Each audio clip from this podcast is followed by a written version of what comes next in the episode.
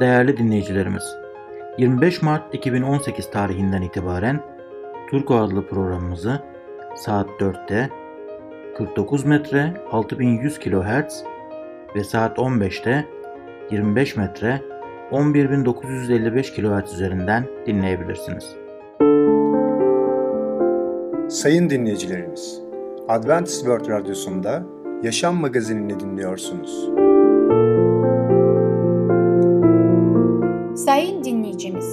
Ben Ketrin Akpınar, Adventist World Radyosu Yaşam Magazin'e hoş geldiniz. Sizinle birlikte 30 dakika boyunca olacağım. Bugünkü programımızda başarılı yaşam konusuyla yaşam ekmeği, yeni başlangıç konusuyla şüpheci yaklaşım, sağlıklı yiyelim sağlıklı yaşayalım konusuyla brokoli salatası adlı konularımıza yer vereceğiz. Sayın dinleyicilerimiz, Adventist World Radyosunu dinliyorsunuz. Sizi seven ve düşünen radyo kanalı. Bize ulaşmak isterseniz Umutun Sesi Radyosu et yaha.com Umutun Sesi Radyosu et yaha.com Şimdi programımızda Yaşam Ekmeği adlı konumuzu dinleyeceksiniz. Ekmek gerçekten önemli midir? Merhaba sevgili dinleyiciler. Ben Tamer. Başarılı Yaşam programına hoş geldiniz. Bugün sizlerle yaşam ekmeği hakkında konuşacağız. İlk önce size bir ayet okumak istiyorum. O da İncil'den Yuhanna 6 48. Yaşam ekmeği benim diyor İncil. Sevgili dinleyiciler, herkes ülkemizde ekmek veya hamur işleri sevebilir. Çünkü bu bizim kültürümüzün, bizim mutfağının bir parçasıdır. Ama bazı ülkelere giderseniz orada göreceksiniz ki ekmek yerine pirinç yiyorlar. Ama İsa Mesih'in zamanında 2000 yıl öncesi de orada da o kültürün mutfağının bir parçası da ekmek tabii ki. Bundan dolayı insanlar, dinleyiciler daha iyi anlasınlar diye yaşam ekmeği benim diyor. Fırından yeni çıkmış tam buğday ekmeğine bayılırız. Ah kokusu çok davet edicidir ve sıcak, yumuşak ekmek çok tatmin edicidir. Veya başka tür hamur ürünleri de olabilir. Değil mi? Ekmek en yaygın yiyecektir. İnsanlara bütün yiyeceklerden daha çok enerji ve protein sağlar ve ona sık sık yaşamın asası adı verilir. Araştırmalar makul bir derecede günlük ekmek yiyen insanların çok az bağırsak rahatsızlığı yaşadığını kanıtlanmıştır. Ekmek tam bir yiyecektir. Allah'ın halkı da biliyoruz ki onları yüce Allah örneğin Musa peygamberin önderliğinde 40 yıl boyunca çölde dolaştırırken özel manı diye denilen bir yiyecekle besliyordu. Musa onlara Rabbin size yemek için verdiği ekmektir bu demişti. Bunu Tevrat'ta Mısır'dan çıkış 16. bölüm 15. ayette okuyoruz. Bu man tam bir gıdaydı. İnsanlara çöldeki hayatı göğüslemek için ihtiyaçları olan besinleri veriyordu. Yüce Allah orada 40 yıl boyunca bu özel semadan gelen yiyecekle onları doyurmuştu, beslemişti. Bizim ayrıca Allah'ın ağzından çıkan sözün günlük bir porsiyonuna ihtiyacımız da vardır. Sadece kahvaltı etsek, sonra öğle ve akşam yemeklerini yemesek tok kalamayız. Allah'ın sözünden kısa bir parça okuyup dua konusunda yardımcı bir kitapçıya göz atıp ihtiyacımız olan her şeyi almış olduğumuzu düşünmekte bile bize tatmin etmemelidir. Çünkü biz Allah'ın sözüne daha derin okumaya ihtiyacımız var. Sevgili dinleyiciler, bakın Yüce Allah Tevrat kitabında ne diyor? O gece Rab kendisine görünerek ben baban İbrahim'in Allah'ıyım korkma dedi. Seninle birlikteyim. Seni kutsayacak kulum İbrahim'in hatırı için soyunu çoğaltacağım. Allah bizi seçiyor ve bizi davet ediyor. Gelin ve benim kelamımı yani Tevrat, Zebur, İncil kitaplarını okuyun. Oradan benim nasıl bir yaratıcı, nasıl bir Allah olduğumu öğrenin. Yaşam ekmeğine acıkıyoruz değil mi? Söz insan olup aramızda yaşadığı da biliyoruz İncil Yuhanna 10-14. Çünkü biliyoruz ki İsa Mesih'in birçok ismi vardı. Birisi Mesih, diğer ismininden birisi de Allah'ın kelamı, Allah'ın sözü. Yaşam ekmeği bizi doyurup tatmin edici ve çok ihtiyacımız olan ruhsal kuvveti sağlayacak Allah'ın ekmeğidir. Size bir olay anlatacağım. Kutsal kitapta geçiyor. Betlehem'den Moab ülkesine giden bir aile vardı. O dönemde Betlehem'de kıtlık vardı. Ekmek yoktu. Betlehem'in ismi ise ekmek evi. İşte Betlehem'in Türkçe'ye tercüme edersek ismi ekmek evi olan o yerde, o şehirde, o kasabada bir aile çıkıyor ve Muaf bölgesine gidiyor. Muavlar ise putperest bir halktır. Allah'a tek olan diri Allah'a iman etmiyorlar. Ama bu aile ekmek için kendi şehirlerinde kıtlık olduğu için ekmek olmadığı için ekmek için Muaf şehrine gidiyorlar. Ve orada o ailenin iki oğulları var. İki oğulları da evleniyor Muaf kızlarıyla. Ve zaman geçince görüyorlar ki İlk önce baba vefat ediyor, sonra oğullar da birer birer vefat ediyorlar ve gelinler Naomi isminde kayınvalide ile kalıyor. Ve kayınvalide duyuyor ki kendi memleketinde Betlehem'de artık kıtlık yok, ekmek var yani, yiyecek var, hayat düzelmiş. O zaman o karar veriyor ve tekrar geri dönmek istiyor kendi şehrine. O zaman gelinleriyle konuşuyor, iki geliniyle ve diyor ki bakın ben artık yaşlı bir bayanım, yaşlı bir kadınım tekrar evlenip çocuk sahibi olamayacağım. Ama siz burada kalıp kendi babalarınızın memleketinde burada evlenebilirsiniz. Burada kalın diye onlara öneriyor. Benimle birlikte gelmeyin. Ben çünkü geri döneceğim diyor. Ama gelinlerden ikisi de ısrar ediyor. Yok geleceğiz geleceğiz ama o onları ikna etmeye çalışıyor Naomi'ye. Sonunda gelinlerden birisi tamam diyor ben kalacağım. Ama diğer ise Ruth isminde diğer gelin ise yok diyor ben sizinle birlikte gideceğim. Hatta şöyle diyor bakın bu putperest halkından, muaf halkından gelen bu gelin şöyle diyor. Senin tanrın benim tanrım. Senin halkın benim halkım diyor. Bu kadar çok benimsiyor kayınvalidesini. Ve böylece kendisi Naomi ile birlikte Betlehem'e Allah'ın halkının yaşadığı topraklara göç ediyorlar. Ve orada bazı problemleri, bazı sıkıntıları olsa bile bakın Yüce Allah ne diyor onlara? Yüce Allah onları tam o orijinal dilden Türkçe'ye tercüme ettiğimizde şunu diyor. Sen otur ve bekle. Yüce Allah senin için ne yapacak? Evet sevgili dinleyiciler bazen ekmeğimiz olmayabilir. Bazen şöyle düşünebiliriz. Bakın benim yaşam ekmeğim bile yok. Ama biz Allah'a güvenirsek, Allah'tan yalvarırsak, Allah'a dua edersek, inanın sevgili dinleyiciler, Yüce Allah bize de aynen Naomi ve Ruth'a söylediği gibi bize de söyleyecek. Sen otur ve bekle. Bak ben ne tür harikalar senin için yapacağım. Yüce Rab herkesi seviyor. Yüce Rab gerçekten sevecen biridir. O herkesten birebir bir ilişki kurmak istiyor. Herkesten ilgileniyor. Bundan dolayı biz de ona güvenebiliriz. Her zaman ona güvenebiliriz ve yaşam ekmeğimizi o vermeye her gün hazırdır. Yüce Rab herkesi koruyor ve bereketliyor. Eğer tabii ki biz ona yaklaşırsak. Tabii ki biz ona güvenirsek. Biz ona kalbimizdeki birinci yeri teslim edersek. Sevgili dinleyiciler, bugünkü konumuz sona eriyor. Bir sonraki programına kadar hoşçakalın. Sevgili dinleyicimiz, Yaşam Ekmeği adlı konumuzu dinlediniz. Bu hafta salı günü Başarılı Yaşam adlı programımızı aynı saatte dinleyebileceksiniz. Sayın dinleyicilerimiz, Adventist World Radyosunu dinliyorsunuz. Sizi seven ve düşünen radyo kanalı.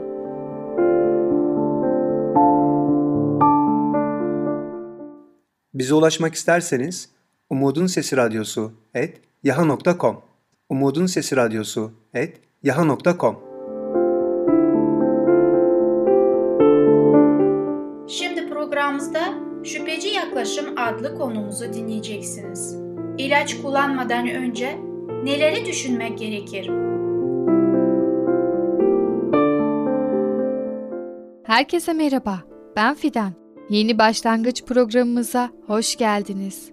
Bugün sizlerle şüpheci yaklaşım adlı konuyu beraber öğreneceğiz.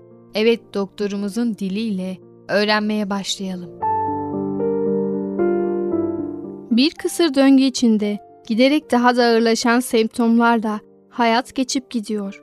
Sadece birazcık mutsuzluk ve karamsarlıktan şikayetçi olan insanlar, verilen ilaçlar nedeniyle yıllar içinde ciddi ruhsal rahatsızlıklara yakalanıyorlar. İntihar oranları artıyor, bipolar bozukluk hastası oluyorlar. Antidepresan tedaviler sadece ilaç firmalarının para kazanmasına yarıyor. Hastalara hiçbir faydası yok. Peki o zaman niye veriyorsunuz bu antidepresanları leblebi gibi? Ve bir dipnot düşmek istiyorum. Antidepresan ilaçlar daha önce belirttiğimiz gibi yüksek tansiyon, kalp damar hastalıkları, kemik erimesi ve daha nice sağlık sorunlarına da neden oluyor. Karanlık dipsiz bir kuyu, üstelik gittikçe derinleşen bir kuyu. Türkiye'deki tabloya bakalım. Psikofarmakoloji Derneği'nin yayınladığı Türkiye'de psikotrop ilaç tüketimi ve mevcut uygulamaların tıbbı, etik ve ekonomik sonuçları raporunda Uluslararası Pazarlama Servisi'nin istatistiklerine dayandırılan verilere göre 2003 yılında ülkemizde 14 milyon 238 bin kutu depresyon ilacı satılmış. 2012 yılına gelindiğinde yani 9 yıl sonra bu rakam kaça çıkmış biliyor musunuz? 36 milyon 881 bin. Yani sadece 9 yılda satılan antidepresan ilaç sayısı 2,5 kat artmış. İlaç endüstrisinin nasıl çalıştığına dair daha net bir fikriniz olması için size çarpıcı bir örnek daha vermek istiyorum. Sistem öyle pazarlama teknikleriyle işliyor ki bazen bir ilacı satmak için aslında var olmayan bir hastalık yaratmakta bile herhangi bir sakıncası görülmüyor. Dünyada en çok satan, en çok reçete edilen antidepresan olarak haklı bir şöhrete sahip olan Prozac'ı yaratan ilaç şirketi 2001 yılında e, ilacın tedavi edeceği yeni bir hastalık olduğunu öne sürdü. Neymiş efendim? Bu ilaç PDD sorununa birebirmiş. PDD ne biliyor musunuz? PMS olarak bilinen adet öncesi sendromu için havalı bir isim. Amaç ne? Her kadının her ay yaşadığı ve son derece normal olan bir durumu bir hastalık gibi lanse edip tedavi için ilaçlarını satmak. Yani aynı kimyasal maddeyi Prozac diye satmak yerine Sarafem diye bir isim verip yeni bir ilaç algısı yarattıklarını belirtmekte fayda var. Şüpheci yaklaşın. Doktorunuz size bir ilaç reçete etti diyelim. Öncelikle doktorunuza güveniyorsunuz. Dahası ilacı yapan şirkete ve onu denetleyen kurumlara güveniyorsunuz. Maalesef sistem hiç de sizin düşündüğünüz gibi işlemiyor. İlacı yapan şirketin amacı para kazanmak. Denetleyen kurumlar yetersiz ve genelde doktorunuz da ilaç zaten ruhsat almış o zaman zararlı değildir diye düşünüp fazla sorup sorgulamadan ilacı reçete ediyor. Hayatta her zaman iyimserlik ve güven gibi duyguları el üstünde tutmuşumdur. Ancak söz konusu kimyasal tıp ve sağlığınızı korumak olduğunda bu erdemli duyguları bir kenara bırakmanızı tavsiye ediyorum. İlaç endüstrisiyle ilgili en önemli sorunlardan biri bir ilacın yan etkilerinin tamamen anlaşılması için genelde seneler geçmesi gerekmesidir. İlaç belli bir sayıda insan üzerinde kısıtlı bir süre için denetlendikten sonra piyasaya çıkarılır ve yan etkileri yol aldıkça anlaşılır. Yani bir ilacın insan vücudu üstünde ne yaptığının tam olarak anlaşılması için aradan on binlerce insan ve yıllar geçmesi gerekir. Dahası kimyasal tıbbın tarihi karanlık sayfalarla doludur. Bunlardan birkaç örnek.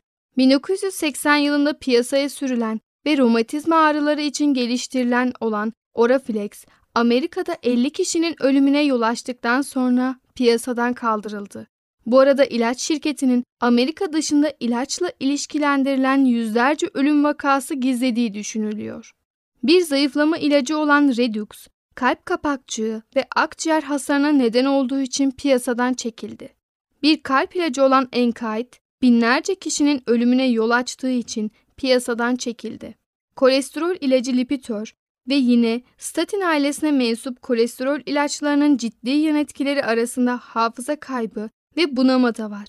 Hatta Lipitor yüzünden geçici hafıza kaybına uğrayan bir doktor olan Graveline, Lipitor hafıza hırsızı diye bir kitap yazmış ve buna benzer binlerce vaka rapor edilmesine rağmen Lipitor ve muadilleri kolesterol tedavisinde hala altın standart olarak kabul ediliyor. 2007'de New England Journal ve Medicine'da yayınlanan bir çalışma, diyabet ilacı Avandia'nın kalp krizi riskini %43 artırdığını ortaya koydu. Olayın arkasındaki esas skandal nedir biliyor musunuz? FDA'nın ilaçla ilgili bu riski zaten 7 senedir bildiğine dair belgelerin ortaya çıkması. Daha anlaşılmaz olan ise ilacın hala piyasada olması. Avindia ve muadilli Actros Türkiye'de de halen diyabet için reçete edilmeye devam ediyor. Ve bunun gibi yüzlerce örnek verilebilir. Bu yüzden de sağlığınızı korumak istiyorsanız ilaçlara şüpheyle yaklaşmalısınız. Özellikle de seneler boyu kullanmanız gereken ilaçlara. Evet sayın dinleyicilerimiz, yavaş yavaş programımızın sonuna doğru gelmiş bulunmaktayız. Ben de şahsen hayatımın 7 yılını her gün ilaçlarla geçirmiş biri olarak ilaç sektörüne şüpheli bakma taraftarıyım. Fakat bu demek değil ki bunu paranoyak bir şekilde her şeyden çok fazla şüphe ederek hiçbir ilaç kullanmayarak yaşamak demek değil. Yine de her zaman iki kere düşünüp ilaç kullanalım. Ve yine her zaman bahsettiğim gibi ilaç kullanmadan önce yani hastalanmadan önce sağlığımıza dikkat edelim. Sağlığımız bozulduktan sonra düzeltmek çok zor bir hale geliyor. Bir ilacı kullandığımız zaman onun yan etkilerinden kurtulabilmek için birkaç tane daha ilaç kullanabilmemiz gerekiyor. Bir sonraki programımızda görüşene kadar kendinize çok iyi bakın ve sağlıcakla kalın.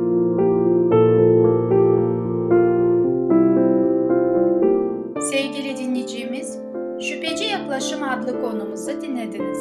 Bu hafta salı günü Yeni Başlangıç adlı programımızı aynı saatte dinleyebileceksiniz.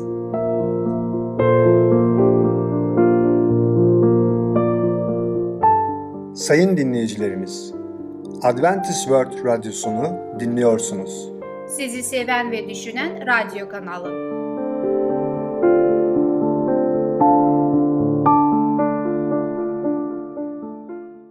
Bize ulaşmak isterseniz Umutun Sesi Radyosu et yaha.com Umutun Sesi Radyosu et yaha.com Şimdi programımızda brokoli salatası adlı konumuzu dinleyeceksiniz. Brokolinin faydaları ve değerleri nedir?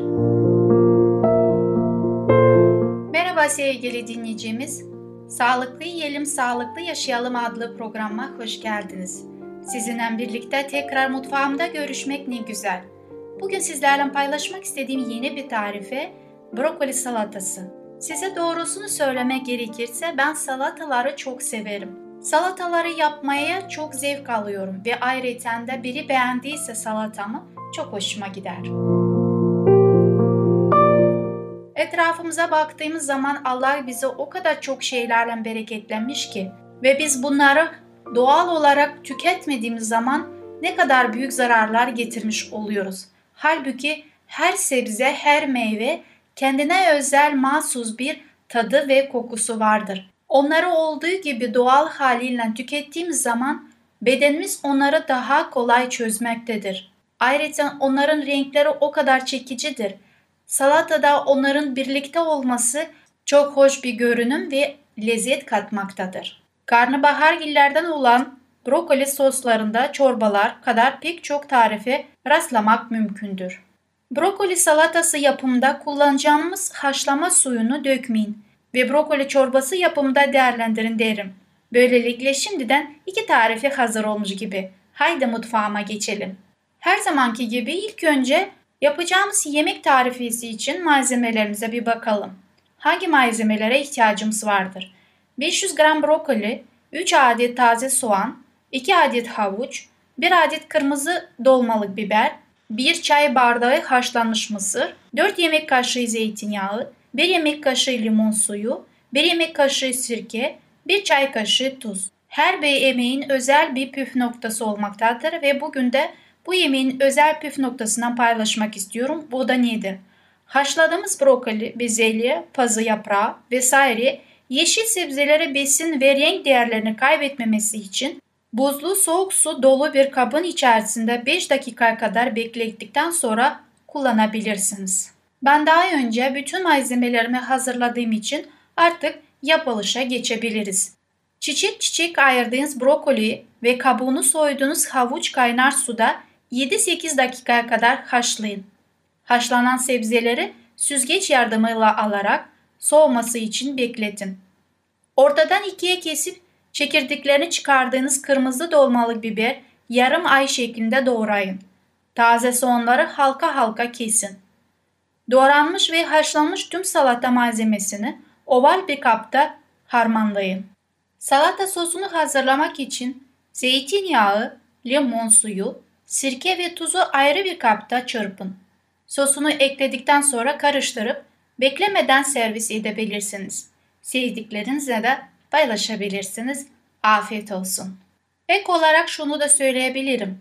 Kızarmış ekmek dilimleri ya da grisin ile servis edebilirsiniz. Tarifeye kırmızı soğan ekleyebilirsiniz.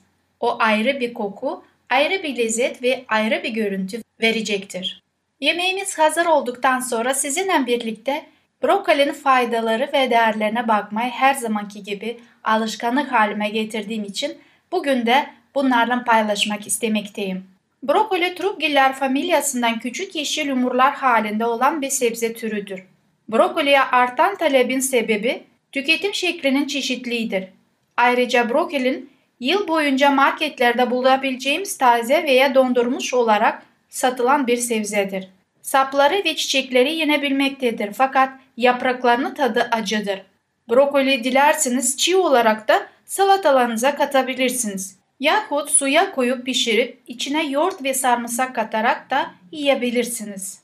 Peki brokolinin faydaları nedir? İlk önce şunu bakmak istiyorum kanseri önler.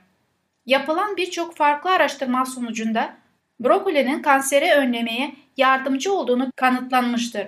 Ayrıca tümörlerin büyüme hızını %60'a kadar oranında azalttığı ve büyümüş tümörlerin boyutunda %75 oranında da küçülttüğünü tespit edilmiştir. Brokolinin özellikle meme, rahim, prostat ve cilt kanserin büyümesini engellediğini görülmüştür.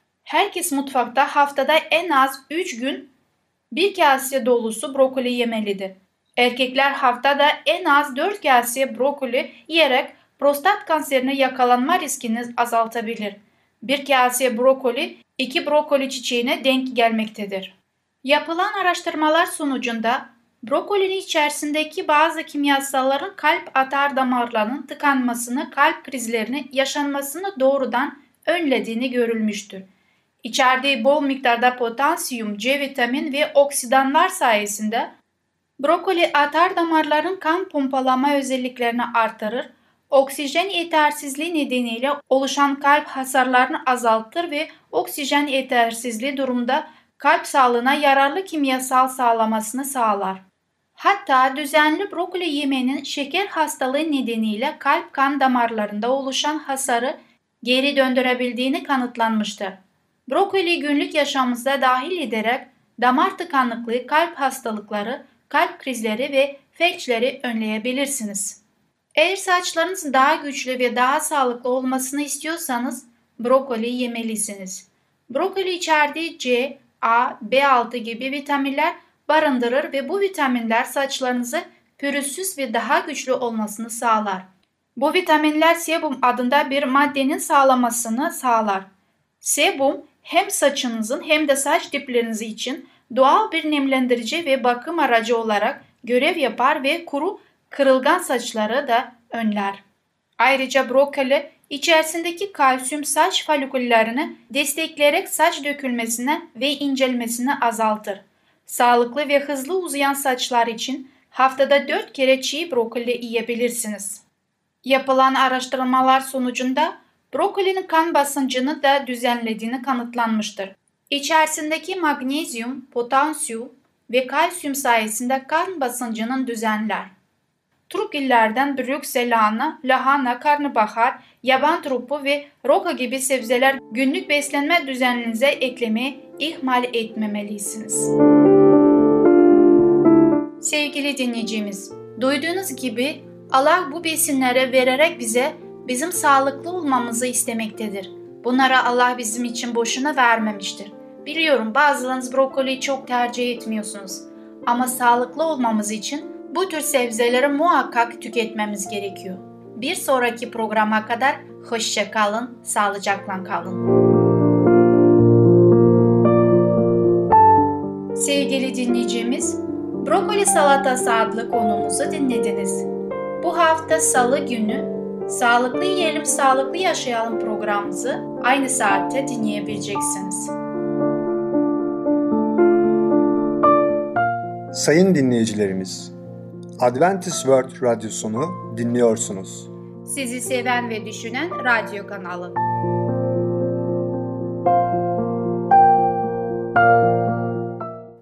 Bize ulaşmak isterseniz Umutun Sesi Radyosu et yaha.com Umutun Sesi Radyosu et yaha.com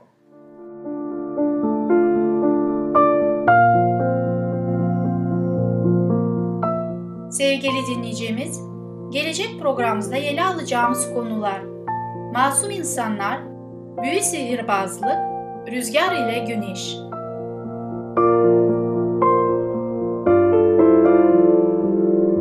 Bugünkü programımız sona erdi. Bizi dinlediğiniz için teşekkürler. Bir sonraki programa kadar görüşmek dileğiyle. Hoşçakalın.